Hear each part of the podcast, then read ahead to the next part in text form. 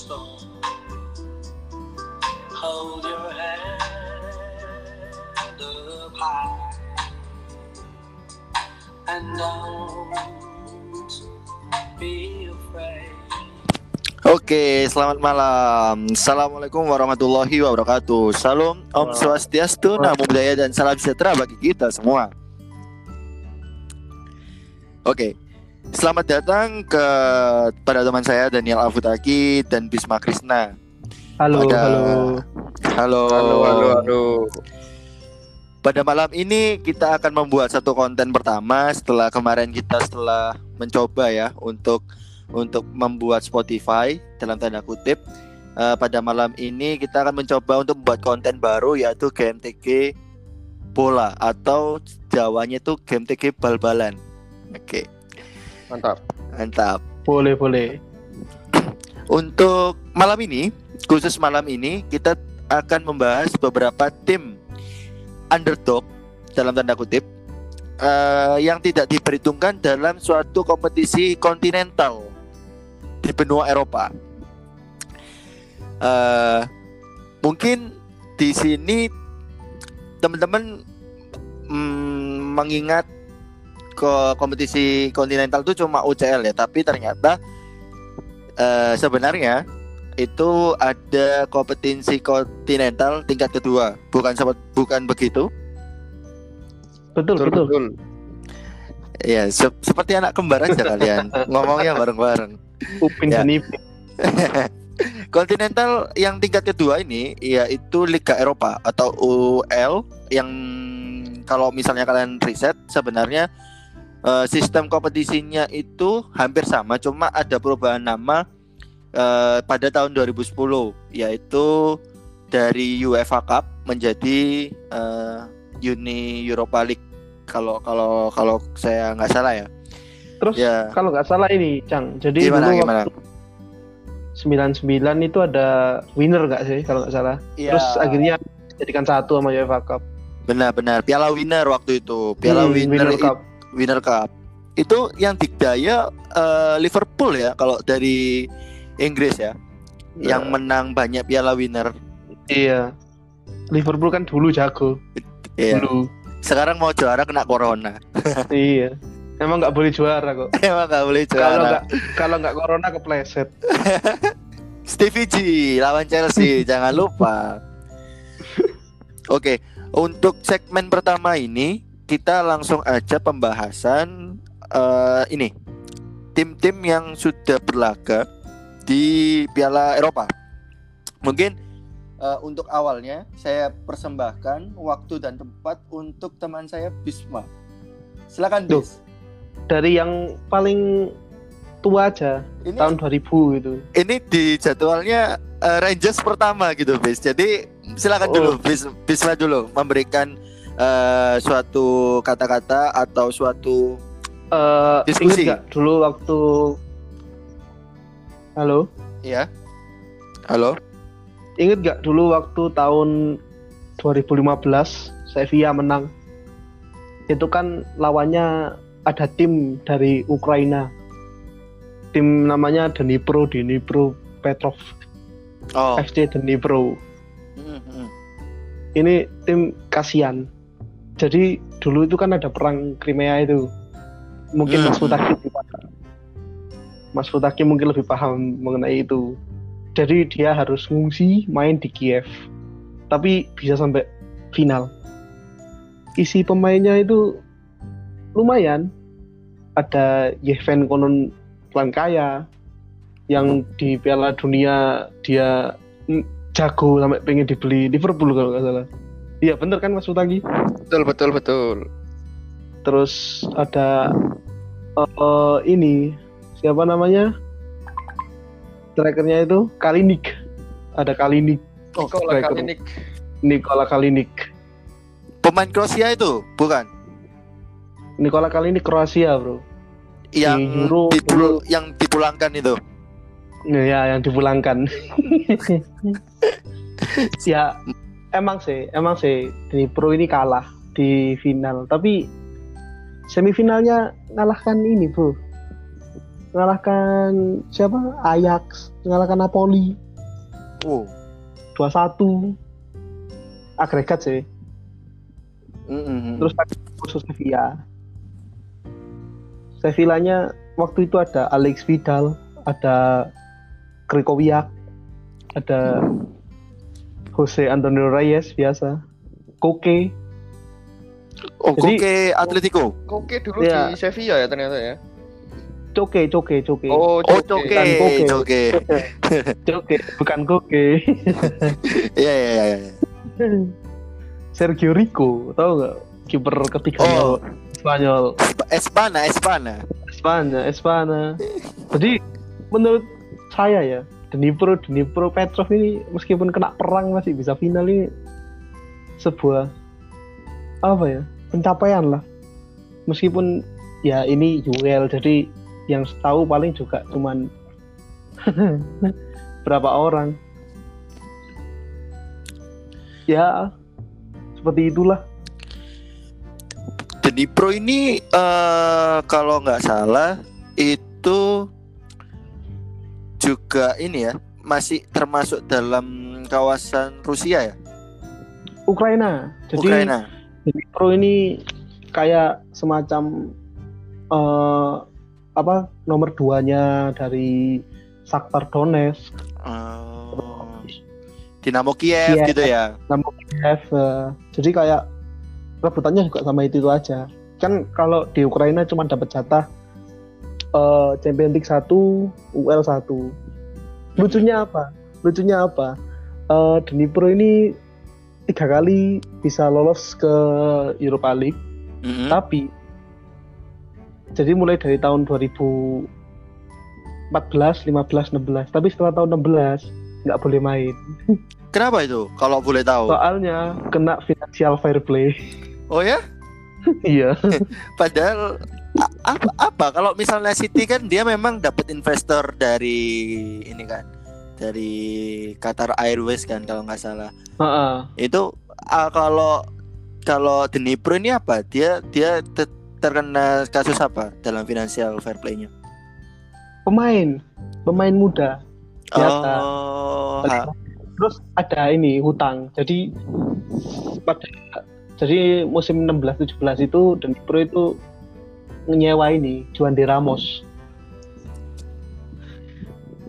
Jadi pelatihnya Dnipro. Terus gak bisa bayar. Akhirnya dari habis 2006 2016 2017 langsung delek apa relegasi. oh langsung ya berarti Jadi habis 2015 final Europa League, mm, 2016 2017 kokut.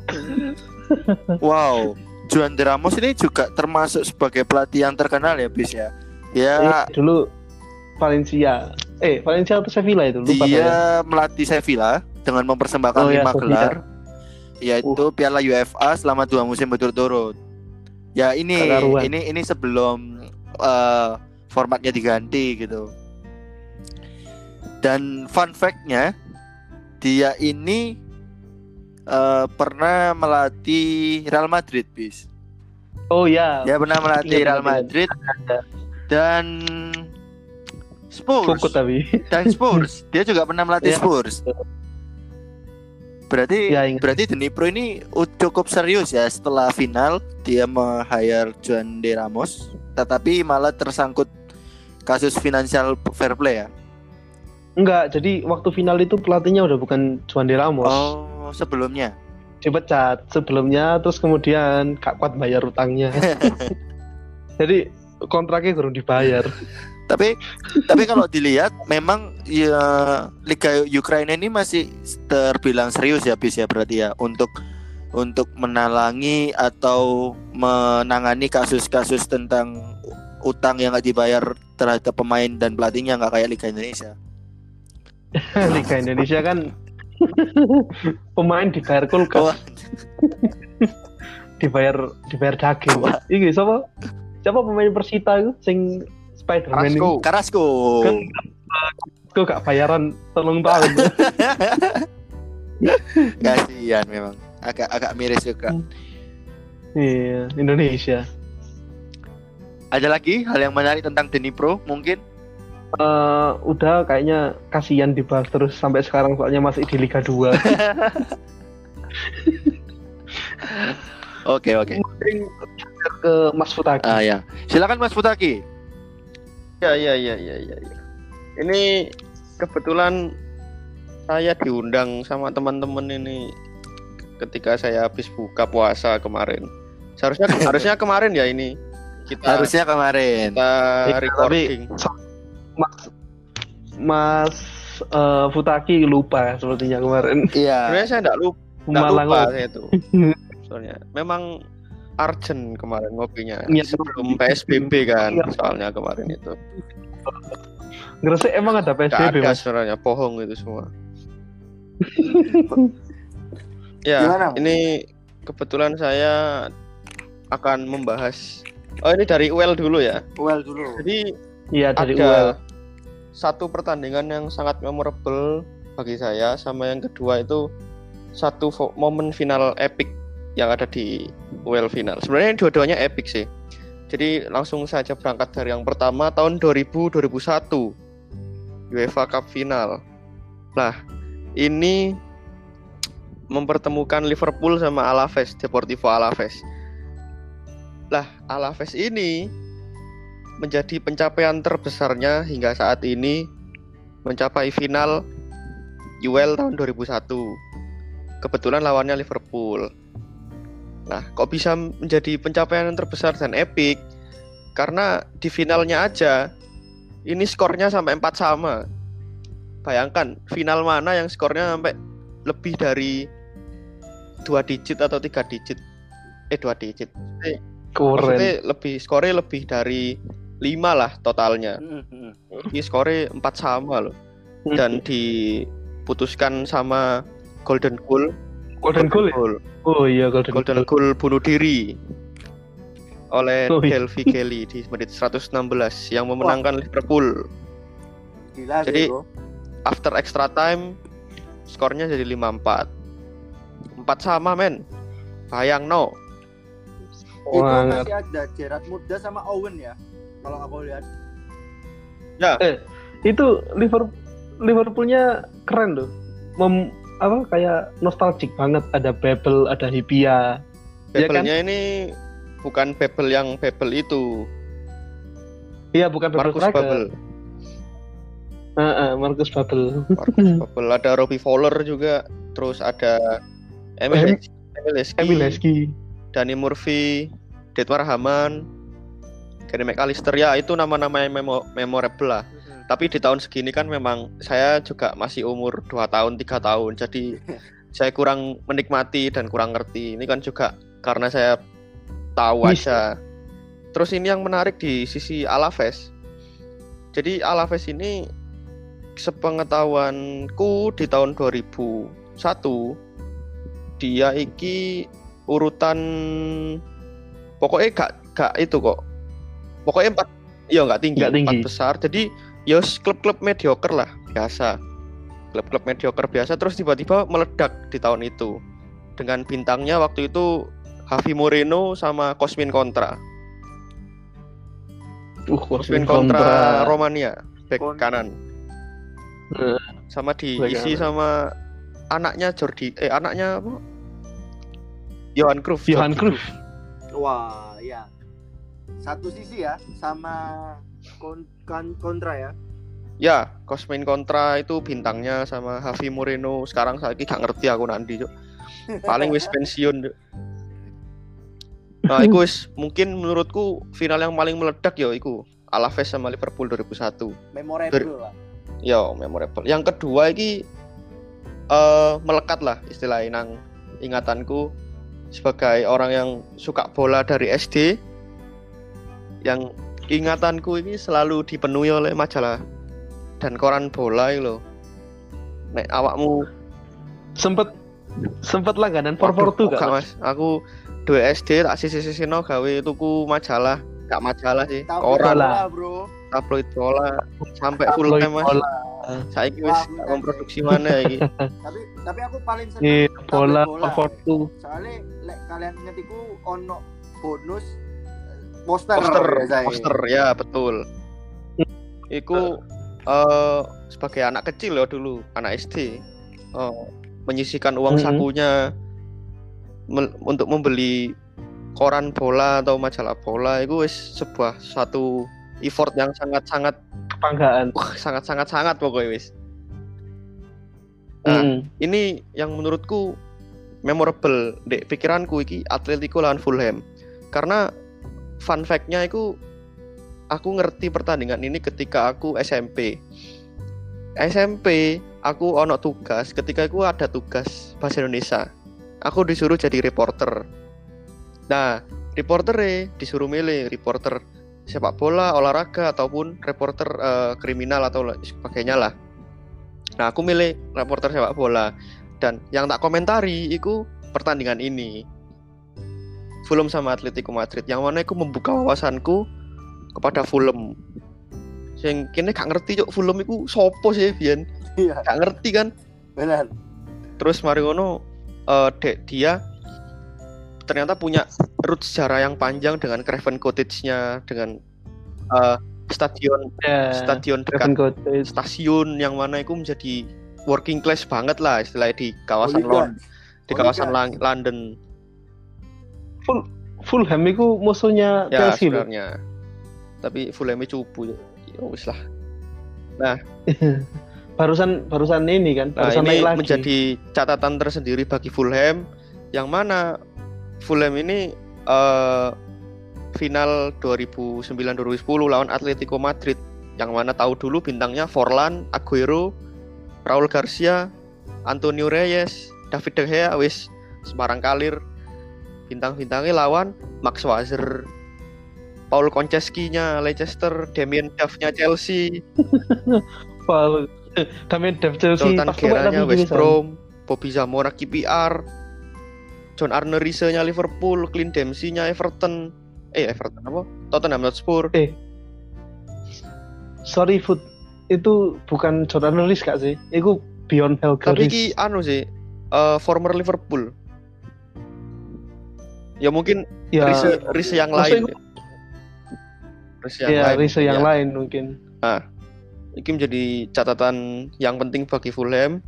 Kenapa? Karena yo di final iki menjadi satu-satunya catatan prestasi tertinggi Fulham dari semua kompetisi eh, luar luar luar domestik yo. Yang mana UEL. Men Hmm. Fulham men menggilas habis Juventus di Craven Cottage 4-1, Bro. nah itu loh yang paling aku inget itu itu dari tahun 2010 Jadi, Europa League ini Juventus masih ada Del Piero dan Trezeguet dipapat habis Trezeguet. oleh pasukan Bobby Zamora 4-1 di Craven Cottage. Bayang no, siapa yang nggak suka Liga Inggris pada waktu itu? Langsung. Padahal yo podo, podo mediocre sih sebenarnya Juventus pada waktu itu. Pemain-pemain ini Zebina, Legrotaci, Sopo nyok iku nyok? Taji Padahal, padahal seharusnya tahun ini ku tahun Italia bro. Harus ya. Karena Inter itu triple winner. Nah, itu. Saiki kenapa Juve iso sampai terlempar ke UEL ngono? Yang mana UEL iki kompetisi kasta kedua ngono. Hmm. Klub-klub mediocre. kalau menurutku bro kalau menurutku bro itu Juve kan habis ini kan kolaps dari Oh iya. Calciopoli. Iya, betul betul. Calciopoli Calciopoli jadi emang seingatku ya pada waktu itu kan yang emang kayal-kayal itu AC Milan Diamonnya siapa namanya pelatih AC Milan itu Eh, siapa sih? Ancelotti. Diamond Ancelotti. Terus kemudian Inter Milan dengan Zanetti Ah dan ya, Sifu. Christian Sifu. mari ngono ono Roma. Roma sing tetep striker andalan nomor 9 Prince of Rome. Sing gak karuan itu. Jadi emang Itali pada waktu itu untuk Juve ya mungkin empat besar gak mungkin lah. Tapi nyatanya terlempar dan dibuat malu oleh pasukan dibuat malu oleh Dibuat Hodgson. Fulham Gimana ini? Dan ya fun ya menurutku itu pinternya pinternya Roy Hodgson nggak sih? Jadi tim-tim apa pemain-pemain bisa dibilang bukan bintang bisa ngalahkan pemain-pemain kayak Trezeguet, Iya. kayak Pada pada pun walau akhir walau akhirnya kalah sama Atletico Madrid 2-1. Itu pun after extra time loh. Hmm. Forlan dua kali. Wih, wis gak karu-karuan Fulham ini. Kalau kita lihat di klasemennya sendiri, Iya. itu awan lihat kan. Itu Juventus di luar dugaan peringkat 7, Bro. Nah, terseok-seoknya Juventus itu. Pada tahun yang sama kan? ya. Tapi kalau bahas ini ya, apa tahun yang sama terus mas musuh Liga Inggris lagi, kita harus kembali ke momen di mana Alex Ferguson dipermalukan oleh Atletico Bilbao. Oh. Ya ya ya ya ya ya ya ya. Ada Herrera bukan sih? Sama Icar Munyain. Kair Mun- Unyain. Hmm. Ini Lorente. Lorente, Munyain. Herrera. Itu Munyain. karena memang di tahun-tahun Mm-mm. segitu 2009, 2010, 2011 MU tuh habis sama perwakilan Spanyol, Bro. Dia nggak bisa main tiki taka. Tapi kan habis final nggak sih? Final Liga Iya, Champions nggak sih? kalah sama Barca di Roma. Iya masa langsung hancur. 2009, 2009 tuh kalah sama Barca, 2010 sama Bilbao, 2011 tuh kalah sama Barca lagi.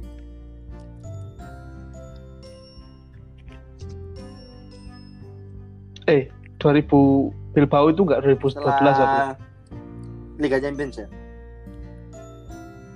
2011 Iya, 2012 nggak sih? Maaf salah. Gak apa-apa mas, gak apa-apa. Ya ya Iku maca maca iyo wis. kalau tadi Juventus ranking 7, iki ranking 10 di klasemen akhir, tapi bisa sampai final ya meskipun finalnya dibantai. Tapi paling enggak itu sebuah momen keren, momen di mana Ferguson nggak bisa ngapa-ngapain, kena pemain jenenge Lorente sampai Under Herrera langsung dibeli. Oke, mungkin cukup dari saya itu sebagai apa namanya? pertandingan yang memorable dan memang Fulham. meledak 2001 dan 2009 di ingatan saya. Mungkin saya lanjutkan ke Mas Icang. Ini mau bahas apa lagi nih, sampean? Mungkin Ya. mungkin mungkin nanti setelah aku ke Bisma terus ke aku lagi ya. Bisma tadi baru satu tim ya kalau nggak salah. Nah kan sudah Bilbao ya nggak Iya. apa-apa lah. Aku Iya. ngelempar diskusi aja nanti. Aku mau bahas tentang yang memang mau memori memorable buat aku buat WL sendiri ya karena memang dasarnya saya itu orangnya glory hunter. Glory hunter. Hmm. Jadi mencari yang Mm-mm. bagus dan nggak mau kalah orang. Jadi ya nyari tim-tim yang bagus saja. Tapi tetap GGMU dan Liverpool ini Goblok-goblok. Manchester United. 2015 2016 ini kenapa kok memorable buat saya? Karena di 16 besarnya itu Coutinho memalukan De Gea dengan chip manjanya di Anfield. Itu benar-benar sih. Itu De Gea udah turun kakinya terus di chip udah kayak kayak Messi lawan Real Madrid kalau kalau teman-teman masih ingat. Jadi The Magician itu bener-bener magis kalau Coutinho di Liverpool ya. Nggak tahu kenapa kok setelah pindah Barca terus pindah ke Bayern itu belum terlalu bagus gitu mainnya. Tapi untuk tahun ini sendiri Liverpool tuh baru tahun pertama dilatih sama Jurgen Klopp setelah sama Brendan Rodgers kalau nggak salah kan turun kan diganti Iya, sama Roger, Jurgen. Klopp. Terus pemain permainannya Liverpool ini sangat-sangat eh, sedikit berubah dalam semangatnya. Kalau strategi sih hampir sama ya. Gegen pressing terus kan. Gegen press. Gegen press. Dulu Brendan Rodgers kan mainnya man to man nggak gegen press. Malah Tapi maju ke kalau- depan kan. Kalau aku lihat Ingat nggak? kalau jaraknya ya, maksudnya cara mainnya itu sama-sama ngepressnya. Kalau kalau kalau bedanya kalau Brendan Rodgers itu dia satu-satu kan. Tapi kalau ke Liverpool ini kita lihat lebih ke zona mainnya. jadi jadi bareng Mm-mm, Gegen ke Press. kanan ke kanan terus Tapi tapi inget gak Brendan Rodgers itu Steve Gerrard loh. Jadi kalau dilihat dari satu permainan itu aja ya, kayak kurang pressing aja antara kalau permainannya di bawah Hmm. Brendan Rodgers sama kurang apa ya Jurgen Klopp. kurang eh, garis pertahanannya itu kurang naik kalau kalau Brandon Rodgers Kurang ya lebih Hmm, lebih kurang tekanannya kurang. Seperti seperti kalau aku lihat kan Liverpool ini kalau zamannya Brandon Rodgers itu dia kalau tanpa bola itu lebih ke belakang kan. Tapi kalau main itu dia lebih santai. Sedangkan bedanya sama Jurgen Klopp itu kalau dia nggak dapat bola itu dia langsung ngepres ke depan. Kalau misalnya dapat bola langsung umpan crossing. Kan kesalahannya Stevie Mm-mm. Steven Gerrard yang Demba lari itu kan karena dia terlalu main di belakang kan. Mainnya umpan-umpanan, Mm-mm. short pass, short pass. umpannya kepotong nggak sih? Ya, umpan, umpannya, Umpannya kepotong. Terus eh, Gerrardnya tuh kepleset. Beda sama Mm-mm. permainannya Liverpool tahun-tahun akhir ini, apalagi waktu Trent Arnold Alexander masuk TAA sama TAA, TAA. Andrew Robertson Anu, itu benar-benar TAA. Talahu Abdul Musafir ya. Itu benar-benar keren sih mainnya. Bagi Chelsea, eh bagi Chelsea, bagi Arema ya kemudian. Kalau kita lihat, kalau kalian masih ingat, itu di tahun-tahun ini tuh Brendan Rodgers eh, ada yang nyeleding bola keluar, itu selebrasinya kayak ngegolin. Jurgen Klopp, Jurgen Klopp ah. Jurgen Klopp. Rodgers apa waktu Jurgen Klopp? keluar, disleding sama siapa kita lupa. Itu itu teriak ke supporternya tuh kayak udah menang. Ingat nggak? Nah itu. Ya, ya, Terus? ya. di tahun ini juga itu ada suatu momen yang mendewakan Dejan Lovren kalau tahu. Dejan Lovren itu mencetak gol lawan Borussia Dortmund kalau nggak salah. Itu Nggak, Eh, finalnya lawan final Borussia ya? Borussia Dortmund di Anfield menang 4-3. Mm-mm. Oh, Terus iya, ya. semifinalnya lawan Villarreal Dikdaya 3-1. Terus finalnya ini dia kalah sama Sevilla. Ngegolin duluan terus Mm-mm. dibantai babak keduanya. Untuk sekuatnya sendiri sih masih eh, bagusnya itu Jurgen Klopp itu nggak langsung instan pembentukan timnya, tapi lebih ke ke membangun dikit demi dikit. Kalau nggak salah ini itu ini tahun pertamanya Roberto Firmin- Firmino masih belum ada Mane sama Salah. Bahkan masih ada Danny Ings, terus masih ada Benteke, Benteke. udah pindah, Benteke udah pindah, terus Oh, udah pindah. itu Simon Mignolet sama bek kanannya loh masih. Nathan Klein. Itu sih kalau dari kalau dari Liverpool eh, review Liverpool untuk tahun itu kenapa kok memorable? Ya itu dia mengalahkan eh, mengalahkan MU berkali-kali waktu itu. Udah mulai susah dikalahkan. Dan eh, fighting spiritnya dari Jurgen Klopp itu benar-benar luar biasa sih kalau aku lihat susah buat cari pelatih yang seperti itu Ada mas sebenarnya. Anton Antonio Siapa? Conte. Antonio Conte itu aku lebih lihat kayak dia temperamen bukan lebih ke optimistik gitu Iya nggak? Jose Ah, itu. Mourinho nom. Jose Mourinho 6 itu bedai sama Jurgen Klopp sekarang itu dia masih kayak kontroversial kalau Jurgen eh kalau Jose Mourinho. Ya itu bisa dibahas di episode selanjutnya kalau. Jose Mourinho itu. Spesial Mas. Spesial memang orangnya. Mungkin mau nambahin Eh, tak lihat-lihat ya. Tadi ada Fulham, terus Liverpool, terus eh, apa namanya? Alaves, terus Dnipro. Ini kayak punya satu garis merah itu loh, yaitu pelatihnya itu bagus. Setuju. setuju. Setuju nggak? Jadi kayak Roy Hodgson, kemudian di mana namanya? Di eh, ya mungkin pelatihnya di Nipro udah ganti, tapi kan dasarnya dibuat sama Juan de Ramos. Kemudian ada eh, Middlesbrough Hmm. itu juga pernah loh final. Itu. Tapi dibantai Sevilla. Hmm, Itu pelatihnya Steve McLaren yang jadi pelatihnya Inggris waktu itu. Jadi emang bener gak sih kalau pelatih itu Oh, mempengaruhi jelas. permainan? Ya mungkin bisa di Ya. elaborasi lagi oleh Mas. Ya namanya pelatih yo. eh, Mastermind-nya nyawanya game itu dari apa yang dikatakan pelatih gitu. Dia kan mengkoordinir dan mengorganisir 11 pemain yang ada di lapangan ini biar gak rebutan bola gitu. Iya kan? Benar. Terus yo itu kan ya, ya. eh, ciri khas pelatih ataupun cara bermain pelatih tersendiri pun ya juga berbeda-beda gitu. Mungkin kita bisa melihat Roy Hudson terus eh, siapa tadi Erikson eh kok Erikson siapa? Steve Mac ya, Steve McLaren, di Ramos. Steve McLaren, Juan de Itu pasti Ramos. punya ciri khas permainan sendiri-sendiri yang mungkin eh, bisa mengalahkan lawan sebelumnya, tapi terkalahkan oleh lawan setelahnya. Gitu. Paham nggak maksudnya? Paham kan?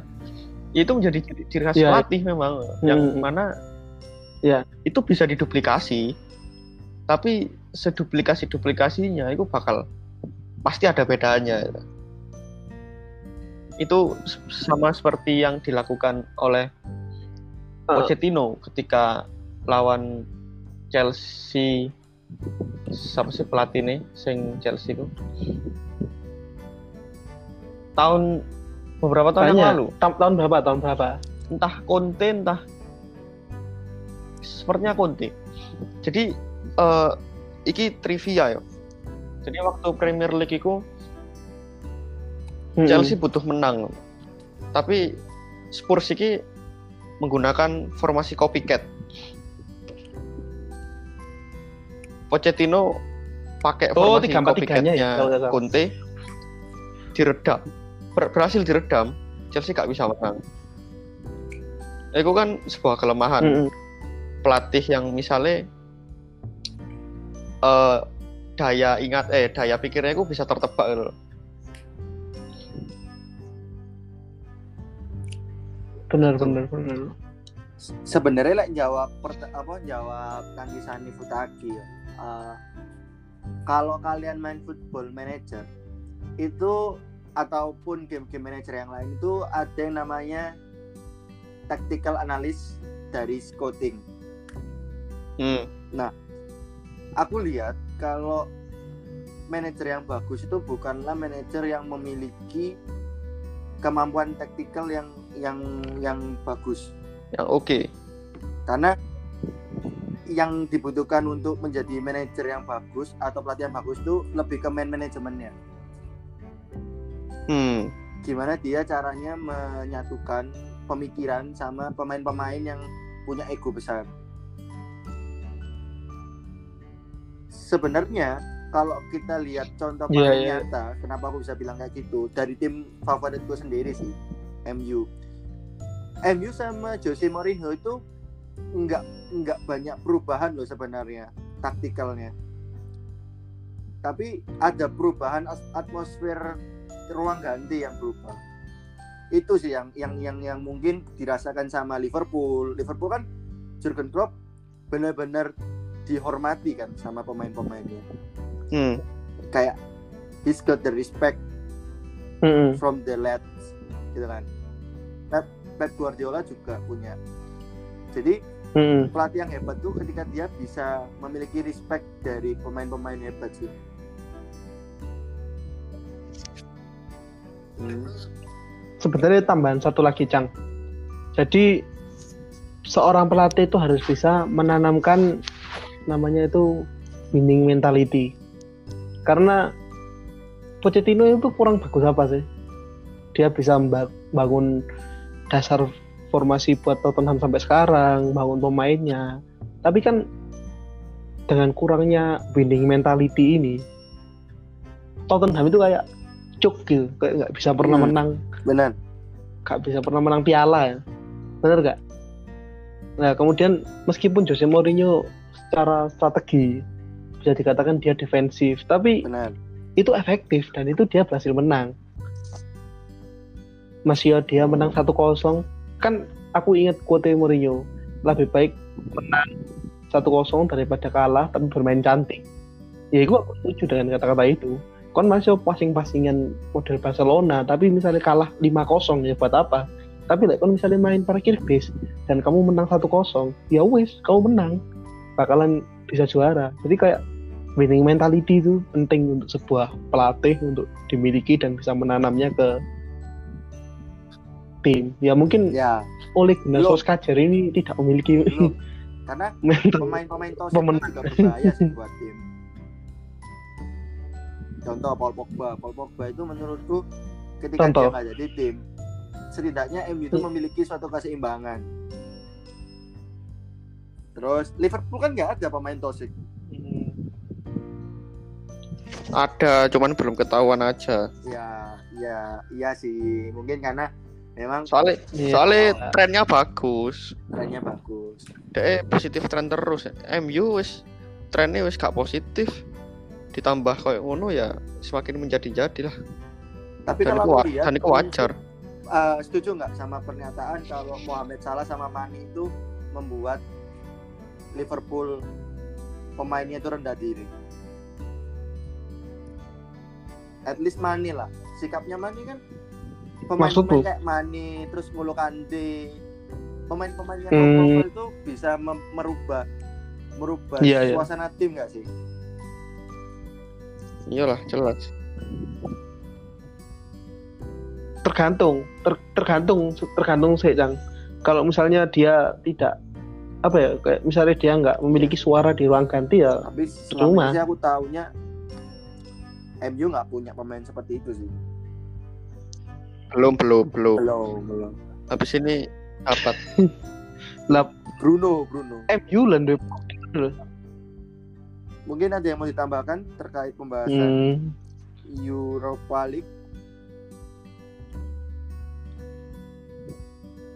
ya mungkin itu tadi sih pelatih itu menentukan menentukan posisi meskipun bisa dikatakan tim-tim tadi yang kita bahas ini mediocre eh, mediocre Eh, tapi pelatihnya di tangan yang tepat. Eh, Marcelo Bielsa itu kalau nggak salah waktu itu yang Leeds, nangan Atletico Bilbao Marcelo Bielsa. Marcelo Bielsa kejamnya karuan ke pemain. Dulu pernah baca di Pandit Football. Kalau nggak salah itu benar-benar latihannya itu eh, sekitar 12 jam sehari and then ya pelatih penting lah Sudah cukup, sudah ada disebutkan closing semuanya statement dari tadi. Mas Futaki Mungkin mungkin karena tadi tadi udah ada bahasan itu dan sebenarnya ini sih satu pertanyaan mungkin bisa dijawab Bisma ataupun Futaki. Kalau misalnya memang pelatih itu hebat, pelatih itu pelatih itu suatu hal yang bisa mengangkat performa tim. Kenapa kok kita bahas tim nasional ya? Tim nasional itu kalau aku rasa pelatihnya itu nggak nggak kehabisan stok lah buat bersaing sama buat bersaing sama negara tetangga. Tapi kenapa kok performa timnas ini masih belum bisa sebaik itu? At least juara Raja Copa lo apa sih bagus sih? Bisa ngalahno kita dengan Alfred Little-nya. Menurut kalian gimana? Sopo kerja kopal. Raja Kopal Oh, final. AFF lah pelatihnya Raja Kopal. Iya, iya, iya. Ayo, bis. Jawab, bis. Mas Futaki saja Waduh. kalau sepak bola Indonesia Mas Futaki kan lebih expert. cuman suka aja ndak ngekspert ya kalau menurutku ya kalau menurutku sendiri yo mental sih kayak cepat puas sih loh mental yang Hmm. dimiliki oleh orang Indonesia timnas Indonesia itu kan cepat puas runner apa ya wis koyok juara apa mana juara gitu kan Hmm. ya wes yo iku Mm-mm. bakal ki- posisi kita ya di situ-situ aja bakal bahkan relatif mundur gak maju ke depan men mundur malah nek ngomong bal-balan lokal ya ataupun bal-balan nasional makanya aku gak gak spiro minat ngono. Soalnya awakmu itu dipaksa untuk mencintai negaramu tapi bobrok ngono. Sopo sih sing gelem di posisi koyo gini ngono kan? Pada dasarnya semua Hmm. orang kan glory hunter ya. Dalam arti Hmm. yo seneng ambek klub sing menangan gak tau kalah yo. Iya kan? Iku Benar. manusia ngono tapi sekarang kamu di Hmm. di apa jenenge? Ditempatkan di posisi sing wis kalaan tapi kon dipaksa gawe seneng terus yo. Iya. yo kais makanya meskipun lusuh ya kon kudu tetap seneng. Soalnya soalnya Indonesia nadi-nadi fasisme. Indonesia men. Indonesia, men. nadimu semua termasuk nadi saya terhadap negara ya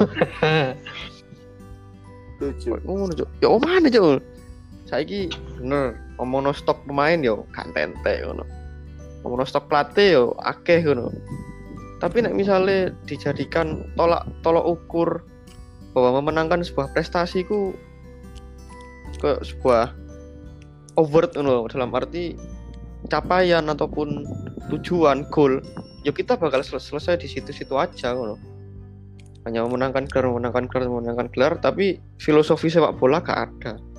Nah aku sih aku lebih ke filosofi yo. Mungkin aku sedikit berseberangan ambek Bisma yang tadi bilang menang menang menang menang menang. Nah aku sih lebih seneng bermain dengan filosofi sih walaupun kalah yo.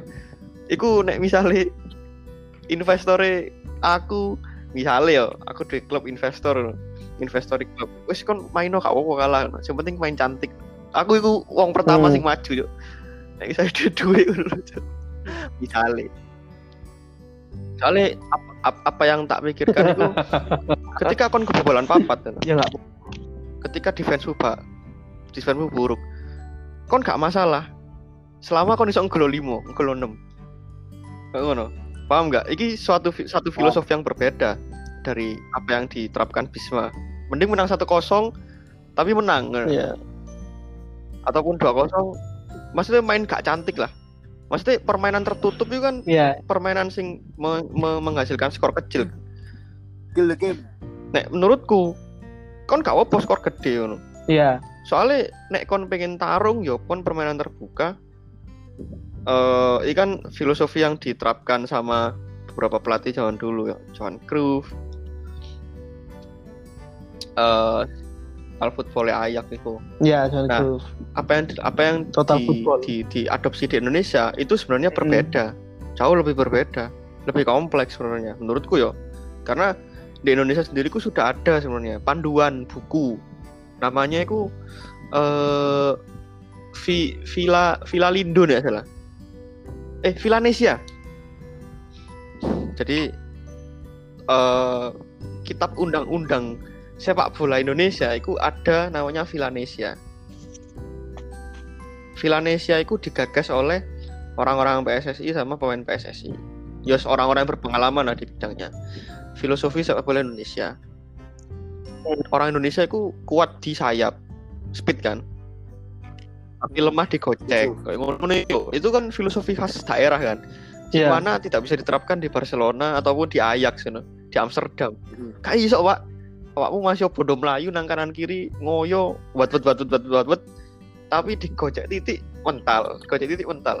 Kan ada treatment khusus yang harus dilakukan di Villanesia itu tadi. Nah ini sedang di eh, sedang di apa jadinya sedang dilakukan selama periode 2012 nih nggak salah. Kalau nggak salah ya sampai sekarang sampai zamane Sim Kim Tae Kim Tae Yong iki Sin. Sin Yo, Taeyong. Sinteyong ini sampai ngisor-ngisorane urong polo, wolu Sinteyong langsung songolas, Sinteyong U16 itu wis pakai satu metode Villanesia bahwa eh, keunikan geografis, keunikan orang-orangnya, terus kemampuan eh, kemampuan fisik, kemampuan speed, ngono-ngono iku wis dipelajari di Villanesia. Ngono. Ini sebuah negara men, bukan sebuah klub ngono. Sebuah nek sebuah klub kan kon kari tuku ae sing dewo-dewo, kon kari nepakno ae right man on the right Hmm. place, selesai. Tapi Sepakat. awakmu iki negara ngono lho. Kon akeh uang Iya. sing latar belakangnya beda-beda. Dan awakmu dibatasi oleh pilihan yang hanya eh, diperbolehkan satu negara ngono. Iku yang susah. Tapi stok pemain banyak. Kayak ngono sih. Setuju. Yo yo wes selama kita Iya. Setuju. masih berangan-angan juara AFF iku wis menurutku ah wis kon nang kono-kono ae ngono. Ket biyen ket jaman gak enak yo AFF iki sik runner up wae. Minimal kon ku ngerti lah pola sik mainmu iku gak angger. Apa lobol yo lobol terus ae yo nak buri lobol. Lobol. Umpan jauh, umpan jauh. Masalah itu arek cilik, Cuk. Nah yo Lek arek cilik digawe long ball. Back saya, back Thailand gede-gede bagi. emang kan iku kayak apa yo Yus, mungkin menurutku Villanesia ku yang terbaik lah di, di, di Indonesia yo yang bisa diterapkan di Indonesia kon main tiki taka nah Indonesia arek yo gak spiro endos gocek ngono lho mek siji loro tok sing iso sisae passing ae sik delok balok diseneni Sinteyong karo ngono. Hmm. passing ku wis gak delok bal bro. Delok musuhe eh delok wonge ku kan masih iya. Iya. ya kan Bener. dari hal sederhana kayak passing aja kene iku wis gak ngerti ngono how to pass. Sing bener-bener api itu kan betapa kacaunya filosofi sepak bola Indonesia. Filosofi passing itu dasar tapi krusial. iya makanya iku ya wis iku sih kok tadi muring-muring ini. Bangsat. Tahu tahu apa? Iki ku iki ku bebas. Nah, iki aku aping mencoba pertanyaan tujuannya. Mari no diakhiri. hmm. Setuju gak sih ambek satu ungkap ambek ambek pendapatku? Aku ngerokok aku tahu ngerokok nopo apa baca apa ngono lho. Satu negara itu gak bisa menguasai eh, dua jenis olahraga dengan sangat-sangat bagus. epis epis Misal, misal gini, Indonesia Sangat tidak bagus nang bulu tangkis. Hmm. Ini ngerti kabeh bulu tangkis ini wapi emas dan sebagainya, Hmm. ya Hmm. kan? Cina juga bulu tangkisnya api dan sebagainya. Tapi dua negara ini nggak bagus di dalam sepak bola. Begitu juga dengan Inggris ataupun Brazil. Inggris sampai Brazil ini Iya.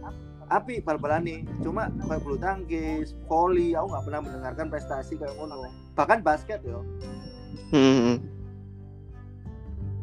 yang habis Ya. Bisa. Jadi gini, Jang. Aku gak setuju ambil pendapat itu. US Karena apa? Cina Eh, Cina USA lah Sing selama ini menang Olimpiade siapa, Jang? Cina USA. Itu berapa puluh lomba yang dilombakan? Saya aku bahas tentang Ah, dua negara ini. Dua pembinaan. negara ini kesamaannya apa, Jang? Pembinaan. Pembinaan. Jadi pembinaan itu paling penting. Aku nambah ya, kayak tadi mengatakan eh, filosofi. Bener Indonesia punya filosofi. Tapi filosofinya ini tidak dijalankan di semua oh ya dari Aceh sampai Papua. dari Aceh sampai Papua enggak tentang sepak bola ya. Jadi bener Indonesia ini karakteristiknya orangnya beda-beda. Mungkin orang kalau orang Jawa, Pulau Jawa mungkin sebagai apa ya eh, playmaker, orang eh, Papua sebagai striker yang haus gol. Tapi apa namanya? Kalau tidak ada pembinaan, jadi tidak ada pembinaan dari awal, di mana satu negara ini diberikan satu filosofi yang sama bahwa sepak bola Indonesia seperti ini, itu nggak bisa. Kenapa? Kenapa kok Amerika, Cina itu bisa bagus di banyak lini olahraga itu karena pembinaannya. Jadi dari sudah ada kompetisi-kompetisi yang sudah terbentuk secara bagus mulai dari dia kecil. Cina kompetisinya anjing makan anjing bisa dikatakan seperti itu. Anak kecil lawan anak kecil, anak kecil ini kalah gak dipakai terus wis. Dan yang menang ini dibayari dibiayai oleh negara terus dan terus dan terus. Dan itu berlaku juga generasi-generasi selanjutnya. Nah ini membuat apa namanya hidup itu terjamin. Nek kon jago. Bagaimana cara aku jago? Aku latihan. Ya apa aku latihan? Mungkin untuk sepak bola. Aku melok panduan iki Hmm. tak resepi ya apa bener-bener secara bagus, secara dalam. Terus aku mainkan itu dengan disiplin, dengan disiplin sekali lagi dengan disiplin. Karena apa? Banyak pemain Indonesia muda, bagus, PNS wapi, PNS Patrick Juanggai. Sekali Persebaya, main bro. hilang. Patrick Nang di Juanggai. PNS kan karena ketidakdisiplinan itu ketidak Patrick gua anggap Persebaya. ketidak eh dari PNS ketidakdisiplinan aku pernah baca aku pernah baca. Jadi budayanya aku kudu rasis apa apa tapi budayanya kalau misalnya di tim mudanya Persipura mereka aku dapat bayaran langsung dibuat minum-minum. Nah itu kan sekarang apa ya kedisiplinan untuk menerapkan pembinaan itu loh. Jadi pembinaan itu harus ada dari awal. Dari mungkin ketika mereka masih U8 itu harus sudah ada pembinaan. Jadi menurutku itu itu jadi kalau mengatakan bahwa satu negara tidak bisa menguasai dua olahraga yang besar ya. Sekarang Amerika. Amerika oh sepak bola wanita bro. Basket iya. Ya mungkin sepak bola tidak tapi tenis iya. Sepak bola wanita. Mungkin sepak bola pria tidak tapi sepak bola wanita. Itu kan menandakan bahwa pembinaannya memang keren karena mereka juga ada NCAA dari ku- kuliah bisa langsung kerja di olahraga mereka dan itu Yo, Cang, bayarannya paradigma kayak besar. gitu tuh wis wis gak berlaku Cang itu mungkin cukup lah. Mungkin Mas Nah, Mufi nang dunia modern ini ya Iya sih, yes, semua sudah dijelaskan oleh Mas Wisma. Saya cuman iya iya aja.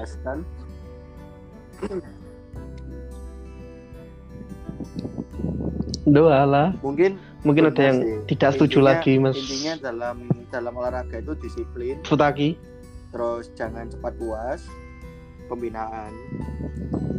Itu sih. Betul.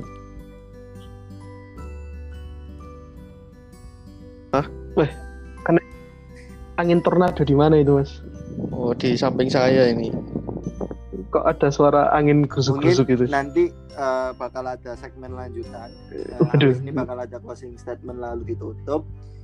Eh, mungkin teman-teman yang mau request tentang sepak bola apa bisa langsung chat ke Bisma atau ke Daniel Futaki. Atau Kak Icang. Ya jangan jangan Daniel Futaki, Daniel Atau ke Futaki Haikal sibuk- Fikri? Enggak, saya nganggur. sibuk, sibuk ya, betul. Iya. Saya terkena Ya, PSBB ini di Malang, meskipun PSBB-nya nggak eh, ada. Pembahasan Liga Eropa ini.